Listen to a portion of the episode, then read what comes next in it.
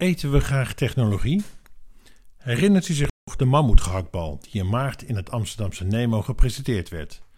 Een creatie van het Australische kweekvleesbedrijf Vouw. Volgens mij is dat nu net niet de richting die we met elkaar op moeten gaan als we ons voedselsysteem willen veranderen. Het is zeker te begrijpen dat start-up bedrijven er veel aan gelegen is om financiers aan te trekken. En dat doe je door te laten zien wat je allemaal kan. Meebewegend op de trend van het vervangen van vlees waarvoor dieren gedood moeten worden, lijkt de sky wel de limit. Zoals kweekvlees van uitgestorven diersoorten. Of dierlijke eiwitten die met behulp van precisiefermentatie worden gemaakt om de smaak van echt vlees na te bootsen. Dankzij de innovatiekracht en snelle technologische ontwikkelingen kunnen we ook steeds meer producten maken. Die ontwikkeling helpt zeker bij het veranderen en verduurzamen van ons voedselsysteem, maar we moeten wel oppassen dat we niet in onze eigen voet schieten. Want nieuwe voedingsmiddelen zijn geen technologische gadgets die we allemaal willen gebruiken.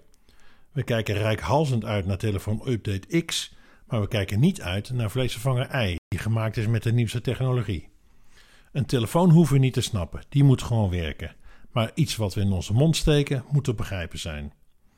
En als we niet oppassen en maar doorgaan met het presenteren van exotische nieuwe voedingsmiddelen die met de nieuwste technologieën worden gemaakt, wordt de consumentenacceptatie steeds moeilijker.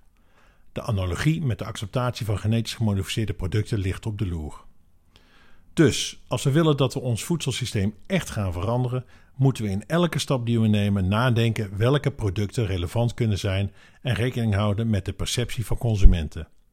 Dus focussen op te begrijpen en logische voedingsmiddelen die dicht bij ons huidige voedingspatroon liggen. En de te gebruiken technologie behapbaar uitleggen in plaats van als een soort mad professor laten zien wat allemaal kan.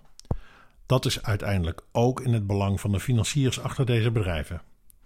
Neemt overigens niet weg dat ik als nieuwsgierige levensmiddeltechnoloog erg benieuwd ben hoe zo'n mammoet gehaktbal smaakt.